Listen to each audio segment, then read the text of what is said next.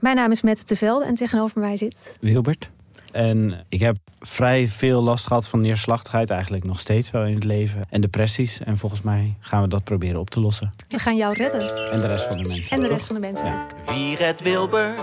Dat is de vraag. Wie helpt hem bij de kwesties en problemen van vandaag? Luister naar Wie redt Wilbert en de rest van de mensheid. Een podcast van de VPRO voor NPO Luister. Kijk, de Jordaan. Daar ben ik geboren en getogen. De nieuwe Nederlandse musical Onze Jordaan van Diederik Ebbingen is dit najaar in de theaters te zien. Koop nu uw kaarten op onzejordaan.nl. Leuk toch? Welkom bij Buitenlandse Zaken, een podcast van de Groene Amsterdammer.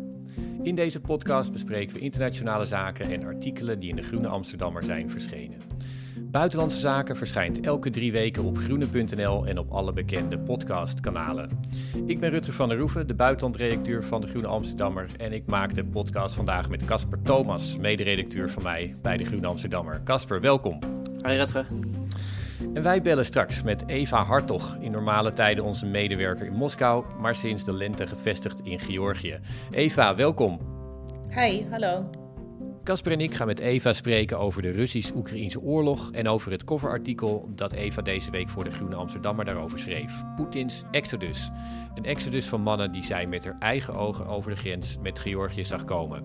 Daarna luisteren Casper en ik in onze rubriek Historische Woorden naar Liz Truss, nieuwe, maar absoluut niet meer fris ogende premier van het Verenigd Koninkrijk. En tenslotte spreken Casper en ik over de Verenigde Staten. Casper was tot een paar maanden geleden onze correspondent in de VS en schreef een ouderwets afscheidsboek. Amerika's laatste kans over de toekomst van de democratie in de Verenigde Staten heet dat. En Casper beschrijft daarin waarom de VS zo'n fascinerend land zijn en waarom het politiek gezien zo'n kritiek moment is in de Amerikaanse geschiedenis. Maar goed, eerst gaan we het dus hebben over Rusland en Oekraïne. En speciaal over de mobilisatie die president Poetin heeft afgekondigd voor de Russische mannelijke bevolking. Uh, ja, Eva, die mobilisatie is nu bijna drie weken geleden begonnen. Uh, die was voor Poetin heel duidelijk als gedeeltelijke mobilisatie in de markt gezet. Maar er leek vanaf het begin eigenlijk leek het daar al helemaal niet op. Dat leek gewoon een volledige mobilisatie. En daar gelooft ondertussen ook niemand eigenlijk meer in, volgens mij. Klopt dat, uh, denk je? Ja, zeker. Ik denk dat ik het eerder zou omschrijven als een willekeurige mobilisatie. Dus niet per se een volledige. Het is niet dat elke man nu wordt meegenomen of naar het front wordt gestuurd. Maar Russen hadden denk ik al vanaf het begin door dat dat uh, systematische, wat dus wordt gesuggereerd, uh, dat er maar 300.000 mannen zullen worden geronseld, dat het mannen zijn uit een bepaalde categorie, namelijk mensen die dus al militaire ervaring hebben. Nou ja, al die eigenlijk disclaimers. Russen al, hadden al heel snel door dat dat um, een formaliteit is. Dat dat voor de buitenwereld zo wordt gezegd, maar dat het er in de praktijk op een totaal andere manier aan toe gaat. Namelijk inderdaad willekeurig. Elke regio, elke Russische regio doet het op de eigen manier, krijgt een quotum een cijfer. En op lokaal niveau doen ze hun best om zo snel mogelijk uh, bij dat cijfer te komen. Dus de Russische minister van Defensie, Shoigu, had het over 300.000 mensen die dus in die gedeeltelijke mobilisatie zouden worden geronseld. Volgens hem heeft volgens mij vorige week gezegd dat er nu al 200.000 van zijn geronseld. Maar goed, die cijfers dat is gewoon een afleidingsmanoeuvre. Dat is zoals ze in het Engels een red herring noemen. Dat is een manier om mensen eigenlijk gerust te stellen en te zeggen: we gaan niet achter iedereen aan. Als je niet tot die bepaalde categorie mensen behoort, dan hoef je je geen zorgen te maken. Maar wat je ziet is dat Russen zich wel zorgen maken. En die zorgen zijn ook echt terecht. Ja, je, je, zei het al over onrust bezweren en, en, um, en zorgen. Nou ja, daar heeft Poetin duidelijk, uh, keek daar nogal tegen op. Hij heeft die mobilisatie heel lang uitgesteld. Veel langer dan veel ja, militaire specialisten eigenlijk um, verstandig vonden. Die schreven vaak dat, uh, dat hij een invasie van een heel groot buurland probeerde uit te voeren met een veel te klein leger. Ja, die, die mobilisatie die schoof hij uit, uh, ongetwijfeld voor zich uit om onrust uh, te voorkomen onder zijn bevolking. Um, is dat denk je omdat hij herinnerd wil worden als man van stabiliteit? Of denk je dat hij echt bang is voor een mogelijke revolutie die Rusland natuurlijk in het verleden ook uh, heeft gehad? Ja, dat is moeilijk te zeggen, maar ik denk dat het een beetje is van allebei. Um, Poetin heeft geen reden om echt bang te zijn voor een revolutie. Um, op dit moment is daar geen reden voor. De oppositie is volledig nou ja, weggevaagd. Alleen hij is inderdaad wel de man die niet eens zozeer stabiliteit, maar gewoon de bevolking heeft beloofd of uh, heeft aangepraat dat Poetin zijn ding doet. Uh, Poetin heeft zijn geopolitieke taak, die zit daar ergens bovenop. En als gewone Rus, zoals we dat zeggen, als gemiddelde Rus, merk je daar weinig van. Dus Rusland zat in, uh, of zit in Syrië, zit in Afrika, zit op heel veel plekken, maar de gemiddelde Rus die, die hoefde daar geen prijs voor te betalen. En dat ging indirect natuurlijk, was dat wel zo, via sancties en op economisch vlak. Maar dat hebben de meeste Russen niet door. Ze, ze voelen het niet direct. En met deze mobilisatie verbreekt hij inderdaad um, die status quo. Omdat voor het eerst gaat het Russen echt persoonlijk aan, in hun ervaring. Hè? Um, en komt het bij hun aan de deur, soms letterlijk, in de vorm van iemand die gewoon op je deur klopt en je de oproep geeft, zo'n oproepbriefje. Of het, al, het, het brandalarm aandoet, zodat je naar beneden ja, ja, precies. Dus het gaat echt van 0 naar 100. Opeens uh, jarenlang, en dat zeggen ook de mannen die ik heb gesproken, daar komen we vast straks op, maar jarenlang, je hele leven heb je eigenlijk in een soort van veilige bubbel geleefd. Met je eigen ambities, met je eigen dromen. Probeerde je je zoveel mogelijk afzijdig te houden van de politiek. En opeens wordt er op de deur gebonkt en is het opeens een, een keuze tussen leven en dood, letterlijk. Dus die keuze die heeft Poetin inderdaad heel lang uitgesteld. En je ziet ook dat uh, we moeten ook weer niet overdrijven hoe, wat een impact die mobilisatie heeft, die aankondiging. Want dat hele concept van gedeeltelijke mobilisatie, dat is Poetins manier om eigenlijk die status quo intact te houden. Om te zeggen, de meeste mensen gaan dit niet aan, we gaan achter een kleine groep aan. En dus zijn er, is er ook een groot deel van de bevolking dat gewoon blijft volhouden of zichzelf aanpraat dat ze gewoon verder kunnen gaan met dat leventje. Dus eigenlijk probeert hij, is het niet zozeer dat Poetin totaal van zijn strategie of belofte is afgestapt. Hij probeert eigenlijk... Um, het allebei te doen. Hij wil en een mobilisatie afkondigen en de meeste Russen het gevoel blijven geven dat ze in een stabiele omgeving leven, wonen.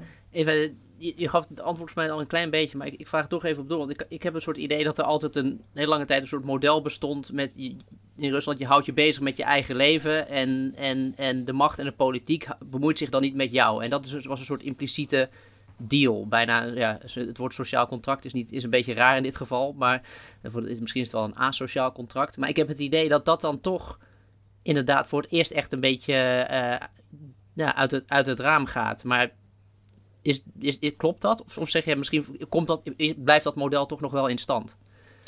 Ja, dat is dus het verleidelijke. Dat, dat sociale contract, um, dat zou dus bestaan. En dat, dat zeg ik ook in mijn stuk. Dat is in de jaren 2000 door een Russische econoom, Alexander Auzan, voor het eerst zo uh, geframed eigenlijk. Dat Poetin de Russen een volle koelkast belooft en daarvoor uh, eigenlijk hun politieke vrijheden afneemt.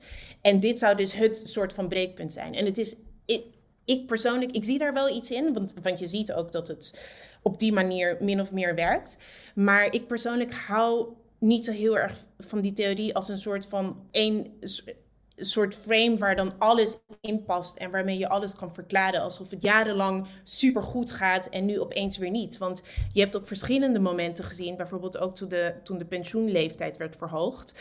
Dat is een beetje langs ons heen gegaan, maar voor Russen was dat echt een big deal. Dat was ook een moment waarop Poetin zijn belofte verbrak. Dus je ziet de afgelopen jaren dat Poetin is al zo lang aan de macht, dat er op verschillende momenten heeft hij al zijn die belofte verbroken. En als je echt met mensen praat en het hebt over heb jij het gevoel dat Poetin die belofte van stabiliteit versus dus nu geen stabiliteit heeft uh, verbroken, dan zullen heel veel Russen zeggen welke stabiliteit. Um, ik heb al jarenlang uh, moeite om de eindjes aan elkaar te knopen. De, iedereen om me heen in de provincie, hè, hebben we het dan over, niet de grote Russische steden. Maar dat beeld van welvaart en rijkdom en stabiliteit bestaat voor het gevoel van heel veel Russen al langer niet. Dit is natuurlijk een heel dramatisch moment. Maar volgens mij ligt het ietsje genuanceerder dan uh, de mensen die zeggen van nou, Poetin heeft nu zijn grote belofte in één keer uh, verbroken. Dan, ja, dat is voor mij een beetje te makkelijk, denk ik. Ja, helder. En om, even misschien een kleine ding op toe te voegen. Mijn indruk was wel het idee van de, de politieke afzijdigheid van, van, van de Rus. Uh, mijn indruk was altijd, voor die, die keren dat ik daar ben geweest en met mensen heb gesproken, dat als het bijvoorbeeld ging om internationale vraagstukken, er helemaal niet zoveel politieke afzijdigheid was. Iedereen was bezig met de, de rol, laten we zeggen, tussen Rusland en het Westen. En had opvattingen over Oekraïne. en daar wordt dan nu dankbaar gebruik van gemaakt door, door het Poetin-regime. Maar dus volgens mij is dat ook een soort manier geweest voor veel Russen om, om gewoon maar hele moeilijke vragen uh, te omzeilen. Door, door je ook een beetje te kunnen verschuilen achter het idee van ja, ik bemoei me niet zoveel met de politiek en dat gaat me allemaal niet zoveel aan. Uh, is, dus misschien breekt die façade juist eigenlijk een beetje door. Ja, hier kunnen we het heel lang over hebben. Ik denk dat um, het mooie woord daarvoor is de geautomatiseerde samenleving. Dus Russen hebben geleerd in de Sovjet-tijd en misschien zelfs daarvoor om zich inderdaad te richten op de kleine cirkel. Dus daarbovenop heb je grote geopolitieke, ideologische verhalen. Maar ondertussen probeer je vooral veilig te stellen in kleine kring wat je, wat je kan veiligstellen. Dus je richt je op jezelf.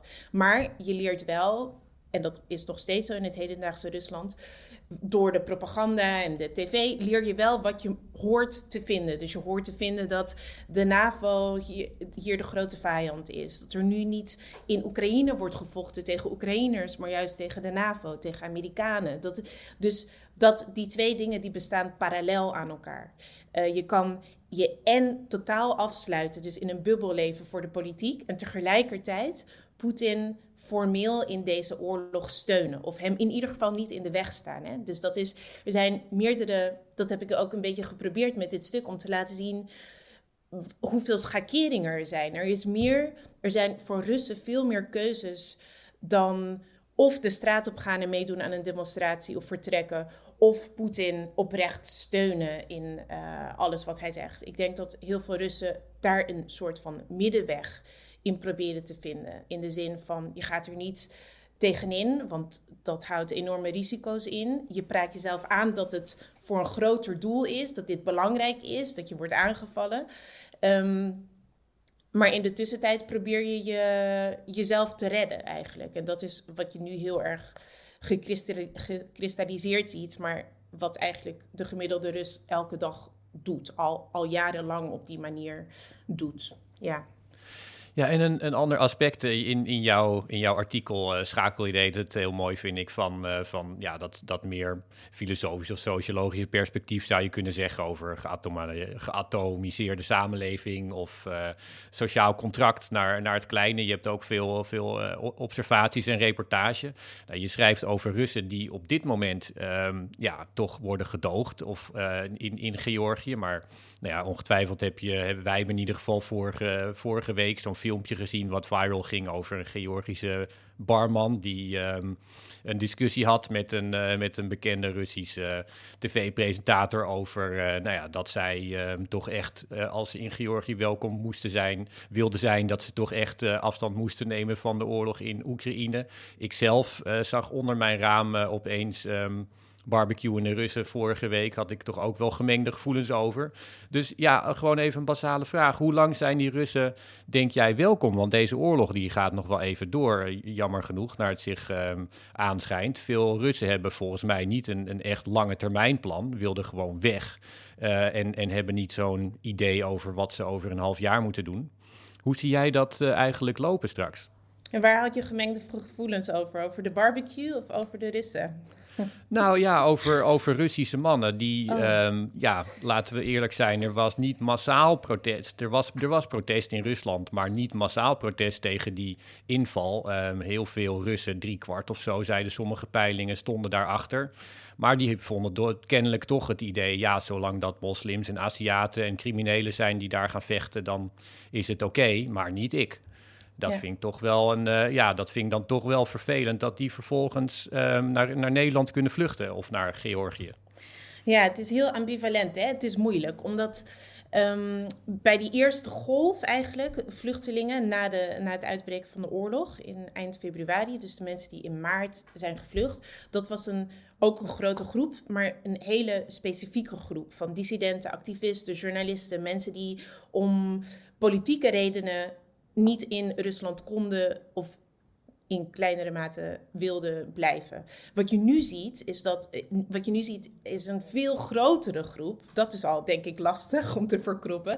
Van mensen die het prima vonden om in de tussentijd in Rusland te blijven wonen. In de meeste gevallen niet meededen aan niet alleen protesten, maar ook niet aan anti-oorlog-petities. Gewoon niet meededen aan de politiek in wat voor zin dan ook. Zich niet uitspraken.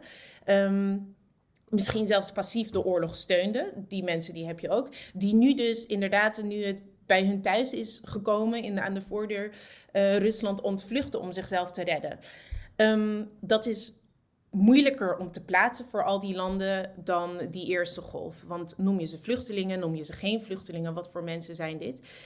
Ik denk dat vooral de buurlanden van Rusland hier veel moeite mee hebben. Dus de meeste Russen vluchten natuurlijk niet naar Europa, want Europa heeft een moeilijk beleid uh, als het hierop aankomt, maar naar inderdaad Georgië, naar Kazachstan, naar blijkbaar ook Mongolië, dus waar ze naartoe kunnen.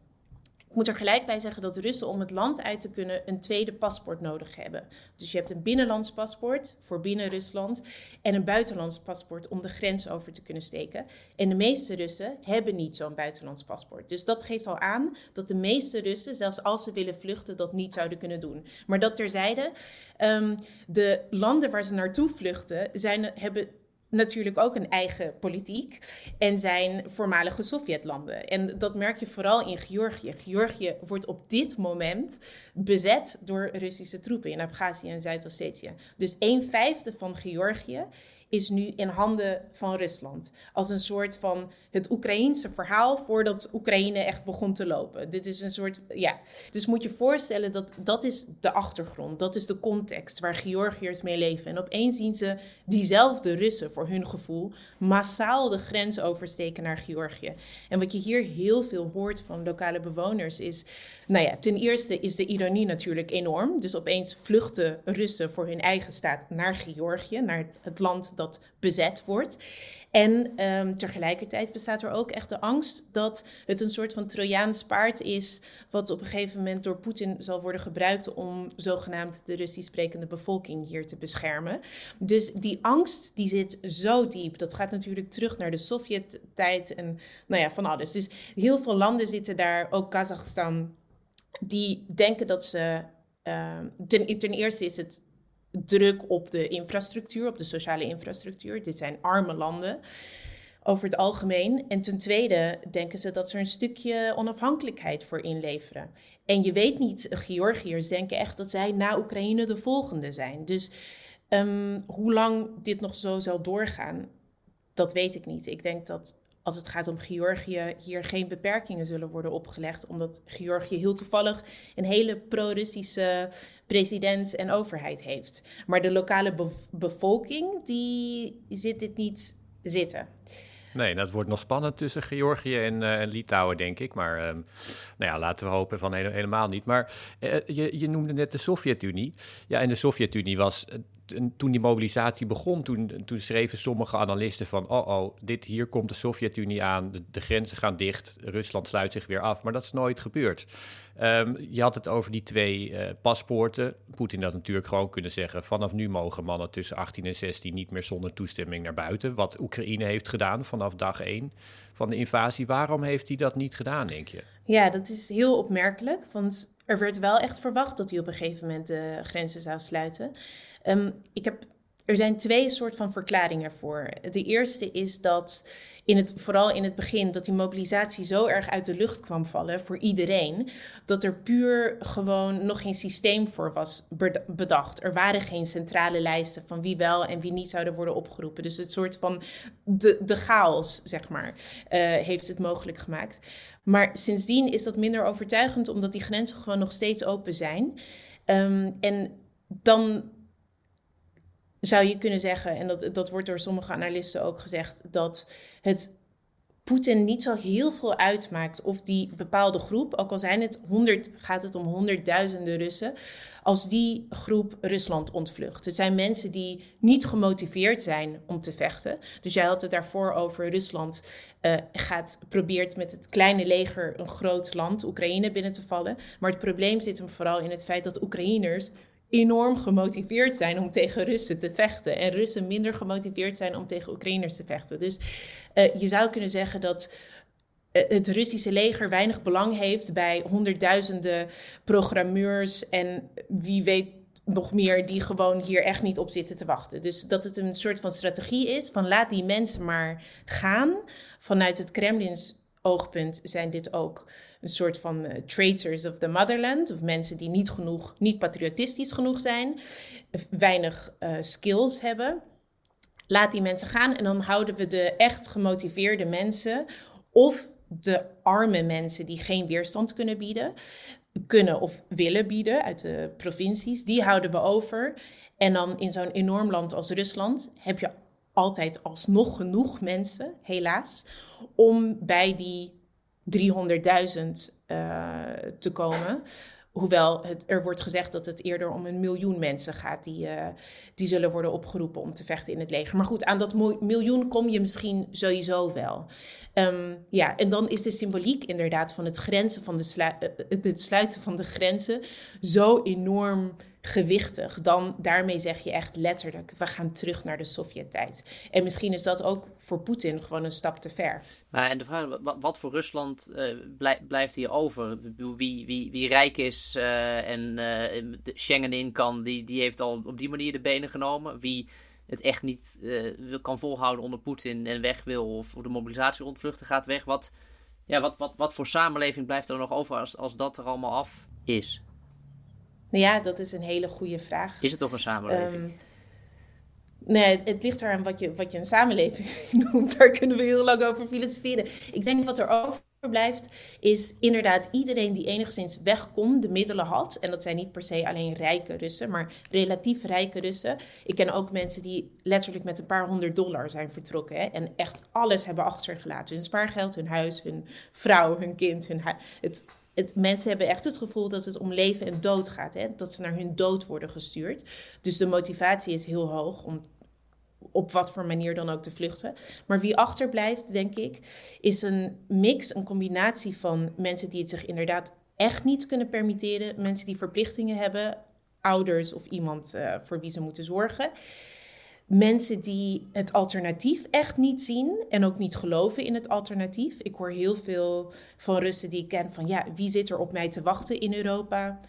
Daar hebben ze ook wel een punt. Uh, mensen, ja, mensen die het alternatief echt niet zien en ook heel veel gedeprimeerde mensen, zou je bijna kunnen zeggen. Dus mensen die ook niet weten wat ze dan zouden moeten doen niet alleen om de binnenlandse politiek te veranderen, maar voor hun leven, die, die gewoon echt geen uitweg zien.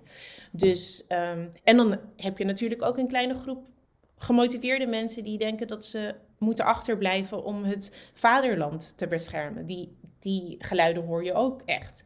En dat uh, de NAVO op het punt staat om Rusland binnen te vallen. En dat ze in dat geval klaar moeten staan om het vaderland te verdedigen. Dus ja, je hoort van alles. Maar je kan wel zeggen dat een soort van de intellectuele elite inmiddels. En de e-, intellectuele elite en de economisch actieve bevolking, dus de mensen, de jonge mensen die bijdragen aan de economie, dat die echt voor een enorm deel uh, Rusland zijn ontvlucht.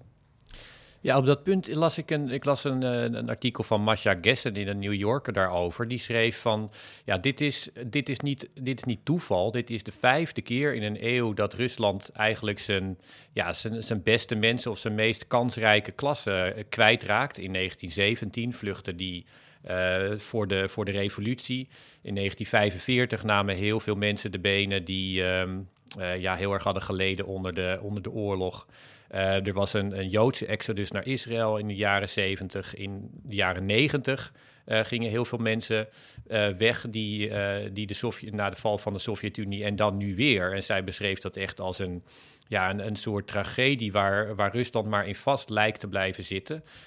Wat, wat denk jij? Is dat, een, is dat elke keer een, ja, een, een soort uh, historische toeval? Of, of is Rusland echt uh, in dat opzicht een, een emigratieland, wat kennelijk elke keer in, in cycli van 20 jaar zijn, uh, zijn beste mensen kwijtraakt?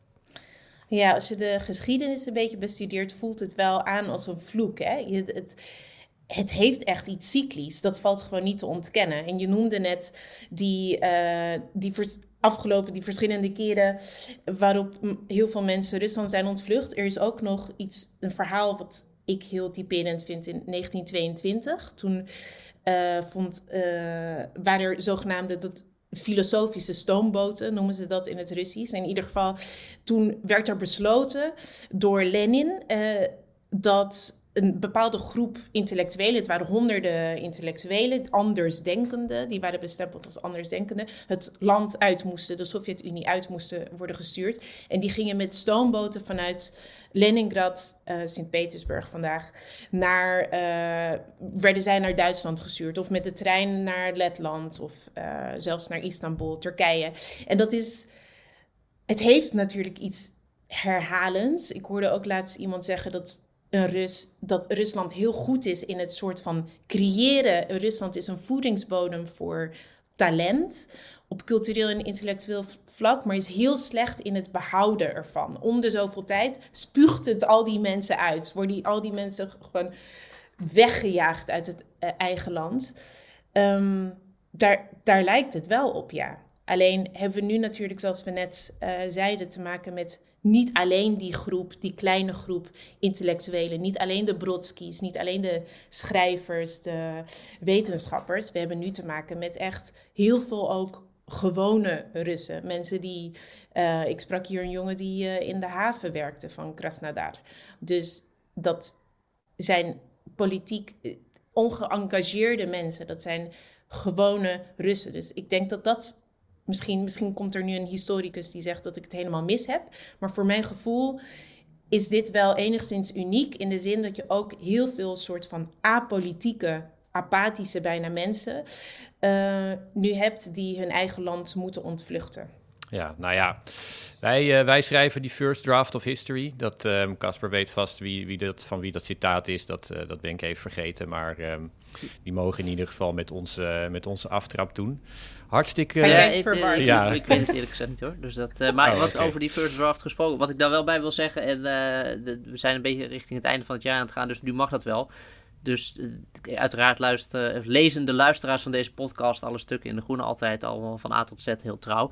Maar ik wil echt even benadrukken dat het, uh, het, het, stuk van Eva en de Groene van deze week, dat is voor mij echt een van de stukken van het jaar. Uh, dus, en we zitten tegen het einde aan, dus daarom mag je dat zeggen.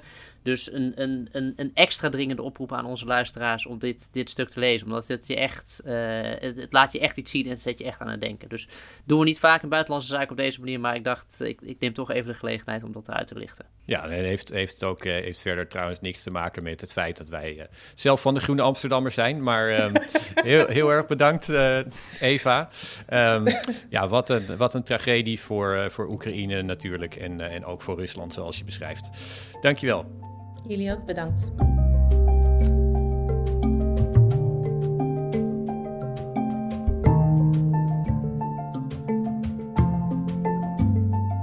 En dan nu, historische woorden, onze rubriek waarin we een citaat bespreken van een politicus uit de afgelopen weken dat zomaar historisch zou kunnen worden.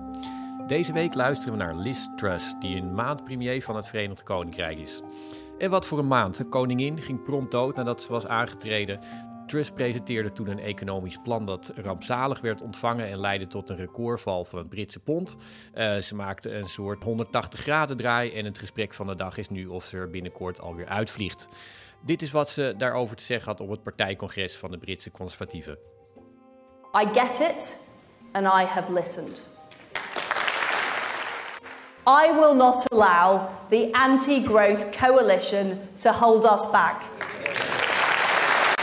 Labour, the Lib Dems, the SNP, the militant unions, the vested interests dressed up as think tanks, the talking heads, the Brexit deniers, Extinction Rebellion, and some of the people we had in the hall earlier. Tja, Casper, wat, uh, hoe luister jij hiernaar?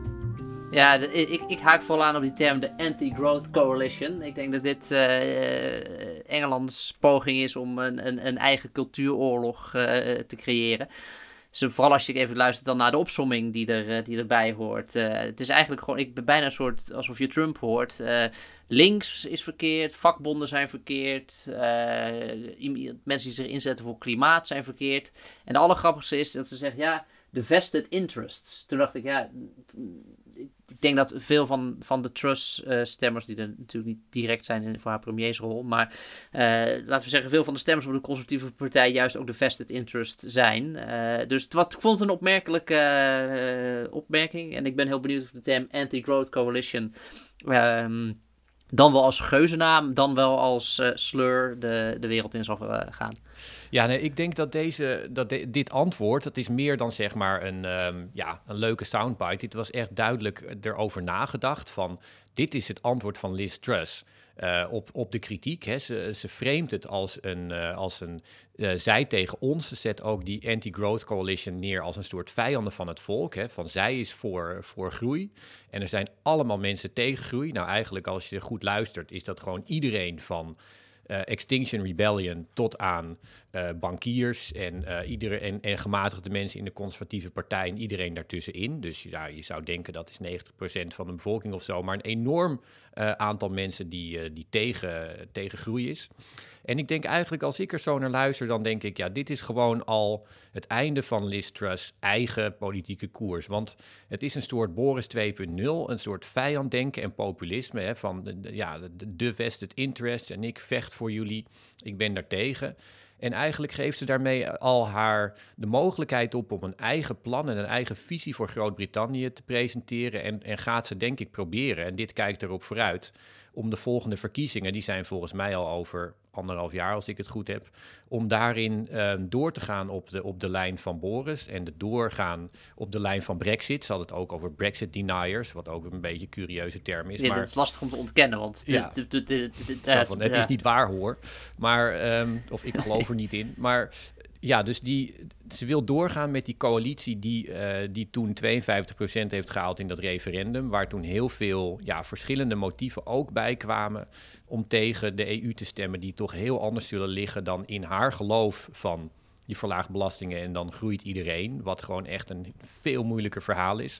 Maar ze zal het proberen op te warmen. En ik, uh, ja, ik zie het als een uh, wedden op een, op een duidelijk verliezend paard. Maar uh, ja, dat zullen we moeten gaan zien. Ja, dat, dat, dat, dat denk ik ook wel. En het grappige is als je de, de Anti-Growth Coalition daar behoort, uh, in dit geval denk ik dan dus ook de IMF bij, want die heeft gezegd dat het begrotingsbeleid van, van het Verenigd Koninkrijk nergens op slaat. Uh, daar hoort ze ongeveer ook elke investeerder bij. Dus, de, dus eigenlijk, zegt, eigenlijk zegt ze dat de Londense City, die ze juist zo belangrijk vindt, die uh, zo ongeveer op de vlucht sloegen met hun kapitaal toen dit, uh, toen dit beleid werd aangekondigd. Uh, die horen dus formeel dan volgens mij ook tot die Anti-Growth Coalition. Dus het, het, het, raakt eigenlijk al nog wel. Die hoorden daar absoluut bij. En wie ze ook nog noemde bij naam trouwens, Casper, dat was jij. Want dat het ook over podcasters. Die zijn duidelijk deel van de Anti-Growth Coalition. Ja, dus, en Talking jij, Heads noemde ze ook nog, dus dat ben jij. Ja, nee, duidelijk. Dus, dus wij, wij, wij moeten gewoon zelf ook, denk ik, die handschoen aantrekken. En uh, ja, bekennen dat we daar toch inderdaad uh, daar ook uh, ons niet aan kunnen onttrekken, Casper. Nou, ik haal mijn pasje binnenkort op. Goed, sorry Liz.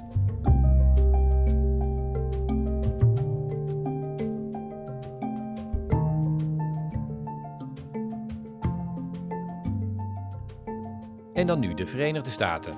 Tot aan de parlementsverkiezingen van november spreken Casper en ik elke keer bij Buitenlandse Zaken over Amerika. En dit keer is wel een hele speciale aflevering. Want we gaan het hebben over Caspers nieuwe boek Amerika's laatste kans over de toekomst van de democratie in de Verenigde Staten.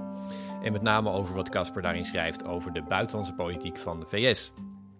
Ik heb al een sneak preview gekregen, zal ik eerlijk toegeven. En het is heerlijk lezen. Echt een heel interessante blik op het huidige moment van de VS. Dus nu we toch in deze podcast al schaamteloos bezig zijn met onze eigen uh, productie uh, promoten, dan, uh, dan plug ik dat toch ook hierin. En ehm, ja, Casper, je hebt het over allerlei zaken natuurlijk, maar centraal staat het contrast tussen wat de vorige president Trump vertegenwoordigt en vertelt over de VS. En wat de huidige president Biden vertegenwoordigt en vertelt over de VS. En ja, dat, dat eh, vertegenwoordigen en vertellen, dat zijn ook elementen in je verhaal. Uh, vooral ook dat, dat verhaal over, van Amerika, wat, um, uh, wat belangrijk is voor veel Amerikanen en wat in de uh, realiteit blendt een beetje. Maar laten we daarmee beginnen. Wat vertellen die twee mannen, Trump en Biden, dan precies over Amerika? Nou, dat, is meteen wel een hele brede vraag natuurlijk, uh, Rutger. Omdat dit, en dit, ik zeg, daar, daar heb je dus een heel boek voor nodig. Maar in, in, in, in zijn kern zijn er eigenlijk gewoon twee hele verschillende vertrekpunten. En dat, is, dat, dat, dat vind ik, blijft een van de meest interessante contrasten, omdat het ook allebei, omdat het heel erg gaat over de vraag: wat is Amerika nou eigenlijk, of wat is nou echt Amerikaans? En als je kijkt naar Trump, is uitgangspunt is altijd, laten we zeggen, negatief. Het land is een puinhoop, uh, het is kapot, uh, het moet gerepareerd worden, uh, hij alleen kan dat. dus hij, hij vertrekt eigenlijk vanuit een soort, vanuit een soort disaster politics. En, oh, en je zou bijna vergeten dat die man vier jaar lang president is geweest. want ook, ook in die tijd dat hij president was, had hij erover als, als Amerika als een, als een kapot land. Dat is eigenlijk, zou je kunnen zeggen, misschien wel on-Amerikaans voor een, voor een natie die toch bekend staat om zijn, nou ja, laten we zeggen, lichte chauvinisme en, en positieve inborst. En Biden kiest toch meer altijd een vertrekpunt met uh, Amerika is iets moois dat beschermd moet worden. De democratie moet beschermd worden. Amerika is een force for the good in the world. Een, een, een belangrijke uh, kracht in de wereld die, die, ja, die een positieve invloed heeft. Nou, of dat zo is, dat is natuurlijk altijd op voor discussie. Um, maar dat, zijn echt diametraal verschillende uitgangspunten. En het is heel eigenlijk bijzonder dat een, een pessimist of een, een negativicus, uh, wat niet echt een woord is, maar goed, je begrijpt wat ik bedoel, uh, dat die president van de Verenigde Staten is geweest en het mogelijk weer kan worden. Dat zegt wel iets volgens mij over het punt waarop Amerika zich bevindt. Ja, en je schrijft, in je, je schrijft een hoofdstuk over de buitenlandse politiek van de VS. In het hoofdstuk begin je met een beschrijving van een Amerikaanse senaatsmissie die naar Europa gaat in 1997. En je schrijft dan dat die voorzitter van die commissie, die voorspelt als een groot probleem dat Rusland psychologisch zal moeten wennen aan het inkrimpen van zijn macht. Het is trouwens wel interessant, in die voorzitter die schrijft ook dat hij geen rust tegenkomt, die het erg vindt dat de NAVO uitbreidt, dus dat zit gelukkig wel goed. Maar hij zegt, hij zegt wel dat het heel lastig zal zijn dat Rusland... Uh, um, ja, zal moeten wennen aan een, aan een nieuwe plek, een kleinere plek. Die voorzitter, dat was Joe Biden. En nou ja, dat heeft hij goed gezien. Dat, uh, dat moet je concluderen, dat doe je ook. Vind je dat hij die correcte analyse vervolgens ook dan ja, goed heeft gebruikt in zijn, zijn tijd als president? Nou ja, dat is misschien nog, we zijn nog wat vroeg om het eindoordeel te stellen, want Biden is natuurlijk halverwege. Maar wat wel heel interessant is, is dat eigenlijk Biden die, die missie die hij destijds dus als senator heeft gedaan, hij ging inderdaad naar, naar Oost- en Midden-Europa, naar Rusland, uh, aan het einde van de Sovjet-Unie. Uh, en, en deed daar bepaalde inzichten op, die volgens mij nu weer heel erg terugkomen en zijn buitenlands beleid bepalen. En deze week, we hebben een goed moment gekozen om hierover te praten, heeft Biden, dat doet iedere president, een soort verplicht nummer. Maar hij, Biden heeft er een tijdje mee gewacht, omdat het allemaal uh, rommelde natuurlijk. En, en, en hij wilde voor me eerst even kijken hoe dat allemaal uit zou pakken met de, het, de, de Russische invasie en, en Amerika's verzet daartegen. Maar goed, Biden heeft zijn National Security Strategy gelanceerd. Dus dat is een, een, een, document, een visiedocument waarin de Amerikaanse president zijn, zijn kijk op buitenlandse politiek uiteenzet. En wat je nu leest, dat lijkt eigenlijk heel erg op, op wat Biden eigenlijk dus altijd heeft gevonden. Wat hij ook eind jaren negentig al zei. Uh, de macht van Rusland indammen. Uh, dat staat uh, dus heel centraal in die, in, in die visie. Een, een, een, positieve democratische band opbouwen met alle Europese landen die zich maar onder de Amerikaanse coalitie willen scharen. Dus de, we zeggen, de, de 90s are back in de gedaante van Joe Biden. Maar tegelijkertijd, en dat, dat, dat is ook een beetje het punt dat ik in het boek probeer te maken, is Biden voor al zijn belegenheid en, en, en schijnbare uh, dat hij een beetje achterloopt, is hij eigenlijk dus weer mega actueel geworden. Vanwege de geopolitieke omstandigheden waar hij, in zich, waar hij zich in bevindt. Ja, je, ik bedoel, je schrijft het nergens zo op, maar in feite stel je dat uh, die missie die Biden voor zichzelf heeft bedacht. En ja, je schrijft ook dat is eigenlijk heel erg middle of the road, heel erg uh, establishment uh, idee van Amerika als, als redder en grote kampioen van de democratie in de wereld. Dat is um, Amerika al sinds Woodrow Wilson, zou je kunnen zeggen, in, uh, in de jaren tien. En toen de Eerste Wereldoorlog redde de Verenigde Staten de wereld al in de Tweede, in de Koude Oorlog en zo. Maar die missie die, die Biden voor zichzelf heeft bedacht als Amerika die ja, de democratie tegen de autoritaire regimes zou gaan leiden. Die missie die kwam eigenlijk in zijn eerste jaar van zijn presidentschap totaal niet uit de verf. En plotseling werd die missie dan gered, als het ware, door Poetins invasie. Want ineens zagen veel meer mensen dat verhaal als een relevant verhaal van ja. de democratie tegen autoritaire regimes. Zie je dat inderdaad zo? Nou, ja, zo, zo zie ik het precies. En dit is natuurlijk ook het, het, het de voer voor de denklijn, uh, zowel binnen Rusland als, als daarbuiten, dat Amerika dit natuurlijk dan zou moeten. Eh, misschien heeft hij daardoor bewust uitgelokt. Of zijn ze daarom heel blij met die, uh, met die Russische invasie van Oekraïne. Want dat geeft Amerika een kans om zich weer te laten gelden. Nou ja, goed, dat, dat, dat laten we even voor wat het is. Maar het is inderdaad zo dat de, de realiteit heeft zich, na, heeft zich zo gevoegd. Dat, dat wat ik zeg, dat Bidens ideeën dus in één keer weer, weer van toepassing waren. Dus uh, hij heeft in die zin voor wie hij is als politicus, heeft hij de wereld meegekregen. Of laten we zeggen, de omstandigheden. Um, tegelijkertijd zijn er ook nog wel nieuwe dingen bijgekomen. Die, die nationale strategievisie die deze week is verschenen, gaat voor een deel over Rusland, maar het gaat ook voor een heel groot deel over, over China. Um, en dan zegt, daarvan zegt Biden eigenlijk, nou, dit wordt de, het bepalende decennium voor de competitie tussen Amerika en, en China. En het idee van, oh, we kunnen China misschien nog binnensluiten of als een potentiële bondgenoot zien of wat dan ook. Of uh, samen optrekken, ergens de handen in slaan. Nou, dat gaat eigenlijk volledig overboord.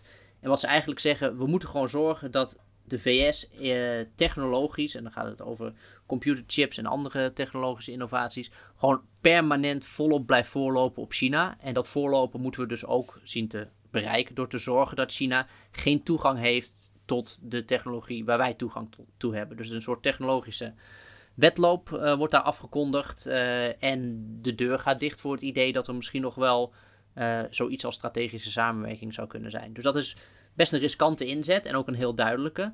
Um, maar goed, dat hoort dus ook weer bij de Biden-doctrine. Ja, en, en daarmee ook een soort afscheid van het idee van als je marktwerking ergens introduceert, dan komt er een middenklasse op en die gaat om democratische rechten vragen. En dat groeit dan allemaal, zo groeit de hele wereld naar Amerika toe. Dat idee is dus daarmee ook uh, ja, afscheid van gedaan. Ik moest wel, wel denken trouwens aan uh, toen ik deze nieuwe veiligheidsstrategie las van oké, de Verenigde Staten moet zowel Rusland als China aankunnen.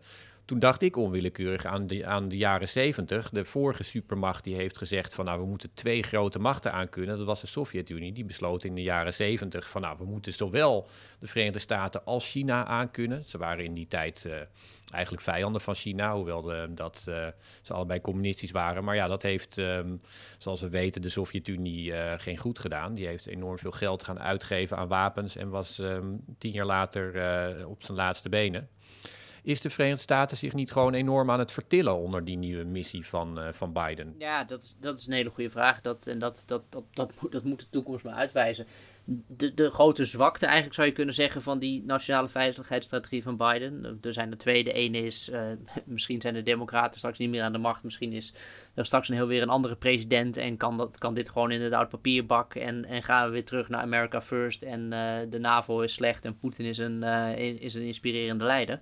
Dat is een risico. Maar zelfs als, laten we zeggen, de, de Democraten met een, deze president of, of met een andere aan de macht blijven deze nationale veiligheidsstrategie, eigenlijk staat erin, we doen alles. We doen alles wat we ooit hebben gedaan. Uh, democratie in de wereld veiligstellen, vrienden zijn met Europa, China uh, de, de, loef afsteken in een economische en technologische competitie, Rusland onder de duim houden. Uh, dus de, de, vraag is, zeg maar, Biden kiest eigenlijk niet. Biden zegt eigenlijk, en dat is een, een, een, een beetje een ouderwets idee natuurlijk, en in deze wereld een stuk lastiger. Uh, overal waar je kijkt, alles wat er gebeurt in de wereld, overal staat de stempel Amerika op. We zijn gewoon overal aanwezig, we doen alles. Nou ja, de vraag is, heeft Amerika daar de macht en de middelen nog voor? Ja, ja en iets in je, in je boek wat ik, uh, wat ik heel leuk vind, is dat je erg veel interesse hebt in, het, uh, in dat nationale verhaal en de mythe die, die Amerika zichzelf vertelt en welke rol dat speelt in politiek, maar ook voor, voor mensen zelf. Ik bedoel, je illustreert, hoe, dat, hoe, hoe dat werkt voor mensen die naar rallies gaan en die zelf denken over de politiek. Jij, een, een, een analist waar, jij, waar je dol op bent, Bruno Massais, die schrijft ook over de rol van dat nationale verhaal als een soort parallele werkelijkheid. En hij schrijft over Biden dat Biden veel beter is dan veel Europeanen zich realiseren in het creëren van een verhaal, in het zeggen van uh, tegen Amerikanen van kijk, we stonden hier, het was allemaal chaos, de democratie was in gevaar en we gaan daarheen en het wordt allemaal weer zoals je het kende en het wordt veilig. Um, zie jij inderdaad als je het hebt over um, je had het er net over dat Biden toch best wel effectief is. Uh, denk je dat dit iets is wat wij uh, buiten Amerika onderschatten, die, die dimensie van, van Bidens leiderschap? Ja, en het gekke is dat, maar dat komt ook omdat Biden niet zo'n, als, als figuur misschien niet zo aansprekend is. Maar hij belichaamt natuurlijk toch wel een soort oude Amerikaanse traditie van een, van het land met een missie. Trump had ook een missie voor Amerika, Make America Great Again. Maar dat, dat, dat is eigenlijk altijd amorf geble gebleven. Het, het, het, was niet duidelijk waar, waar, wat Trumps maatstaven voor succes daarin waren, bijvoorbeeld. Of wanneer het land dan weer. En, en die waren er ook niet. Trump had geen maatstaven. Make America Great Again was Make Trump President and Rich Again. Dat is, dat, is, dat, dat is wat erachter zat. En, en, en Bidens ouderwetse missie van uh, opkomen voor democratie, strijden tegen autocratie. Ja, dat is toch uh, iets waar, waar, waar een hele brede uitsnede van Amerika zich achter kan scharen. En dat zie je ook. Het is het enige onderwerp eigenlijk dat Republikeinen en Democraten nog verenigt op dit moment. Als Biden met een budget komt van, voor, of, wil nieuwe miljarden aan wapens naar Oekraïne, dan zijn er genoeg Republikeinen te vinden die zeggen: lijkt me een hartstikke goed idee. Hier is mijn handtekening. Uh, wanneer gaan we leveren? Er zijn zelfs Republikeinse, hele vooraanstaande Republikeinen, die Biden nog te slap vinden. Die zeggen: we moeten Rusland en China nog veel harder confronteren. Dus. Um, wat ik zeg, het, het, is het enige puntje van de Amerikaanse eensgezindheid dat er nog is. En, en dat laat wel zien dat dat is eigenlijk wat werkt voor, voor Amerika en voor Amerikanen. Toch een, een, een missie in de wereld. Ik denk dat het, dat het afsluiten. Uh, Amerika heeft ook genoeg fases in de geschiedenis gehad waarin het uh, zich juist naar binnen wilde keren. Maar uit, uit, ja, die, die, die drang om zich te manifesteren in de wereld, om het maar even een beetje gewichtig te zeggen, uh, die zit er gewoon heel diep in. En Biden appelleert daar volgens mij met succes aan. Ja, en hij is ook natuurlijk iemand die um, ja, zichzelf een beetje glad heeft laten trekken en zo voor zijn, uh, voor zijn herverkiezing. Je beschrijft dat ook, terwijl hij dan tegelijkertijd zo'n beetje zo krom en stram loopt. Toch een, toch een oude man. Misschien wel een goede metafoor voor de Verenigde Staten als, als geheel. Maar um, ja, de wereld van nu, die past, er, die past er dan toch wel bij. Met een... Um, autoritair regime dat zijn, uh, zijn buurland binnenvalt. En heel veel Europeanen in ieder geval die, uh, die opeens dat verhaal in een heel ander licht zien wat hij presenteert. Zeker. En daar is die missie trouwens ook, moet ik even toevoegen, die is niet helemaal uh, copy-paste uit het verleden. Hè. Kijk, het wordt wel een klein beetje geüpdate dat Amerika heeft natuurlijk ook een lange geschiedenis van interventies. Oh, ik, we walsen even ergens naar binnen en we gaan democratie brengen. Nou goed, daar hebben we. Uh, dat, dat is ons tijdsgevricht geweest. Uh, en ik heb het idee dat Biden daar toch niet zo op staat te wachten. Dat het in die zin wat reactiever is. Dus het idee op een moment dat een democratie uh, ergens onder druk staat. En het is natuurlijk ook, moet wel een strategisch belang blijven van, van Amerika. Ik bedoel, het, is niet het is geen geopolitieke liefdadigheid. Um, dan kun je een beroep doen op Amerika. Of dan, dan, dan zal Amerika zich geroepen voelen om die democratie te beschermen. Dus vandaar inderdaad Oekraïne helpen zich tegen Rusland te verdedigen, maar niet uh, dat, Amerika zich dat Amerika zelf vervolgens naar Oekraïne vertrekt om, die, om dat klusje te klaren. Dus het is meer een soort, uh, laten we zeggen, achterwacht, steun dan, dan, dan Amerika die actief met die rol de wereld intrekt. Ja, en misschien ook wel gewoon een, toch ook een buitenlandse politiek die, die vertrekt vanuit binnenlandse politiek. Want dat verhaal over die, die democratie als missie, dat is iets wat in de wereld best wel doodvalt. Uh, in, uh, in, in zeg maar landen buiten uh, wat we traditioneel het Westen noemen is dat verhaal van de democratie beschermen in Oekraïne wordt er helemaal niet zo gezien. Daar, eh, daar is het verhaal dat de Verenigde Staten toch een heel twijfelachtige staat van dienst hebben als verdediger van de democratie is, is veel meer bekend dan in de Verenigde Staten zelf misschien. En um, zou het verhaal veel meer aanslaan dat je gewoon je buurland niet verovert. Dus hij kiest ook wel een beetje voor een, um, ja, misschien een traditioneel op westerse landen gericht uh, buitenlandse politiek. Ja. Nou ja, en iets wat, wat, wat juist mondiaal kan aanspreken. Ieder land wil niet dat zijn buurman binnenvalt. Dat wil, Rusland wil dat ook niet. Dus het is een, een, een hele, internationale, hele aantrekkelijke internationale doctrine als je zegt: luister eens, het, het basisuitgangspunt is: uh, we gaan elkaar niet binnenvallen. De enige vraag is: is Amerika in staat om zich daaraan te houden? Ja, hij heeft toch die, uh, die koers gekozen van uh, het beschermen van de democratie. Maar goed. Dank je wel, Casper. En we praten er trouwens deze week over verder. Woensdagavond in Pakhuis de Zwijger met publiek erbij aan een tafel. Zeker live, dus uh, de Groene Live, onze lopende serie in, uh, in, het, in het pakhuis. Jij bent de moderator, Rutger. Ik ben een van de sprekers. We hebben James Kennedy komt, Marca Valenta, twee Amerikanen en Amerika-kenners. Dus het wordt een mooie avond. Het boek wordt gepresenteerd, het boek is te koop, uiteraard. Dus komt al een. Entree is ook nog eens een keer gratis, zei ik dat al. in Pakhuis de Zwijger, 19 oktober om 8 uur. Yes, ik heb er zin in. U luisterde naar Buitenlandse Zaken, een podcast van de Groene Amsterdammer. U hoorde Eva Hartog vanuit Georgië, Rutger van der Roeven vanuit Amsterdam en Casper Thomas vanuit Limburg. Deze podcast werd gemaakt door Giselle Mijnlief. Als u wilt reageren kunt u mailen naar buitenland.groene.nl. Dank voor het luisteren. En als u meer van ons wil lezen of abonnee worden van de Groene Amsterdammer, ga dan naar www.groene.nl.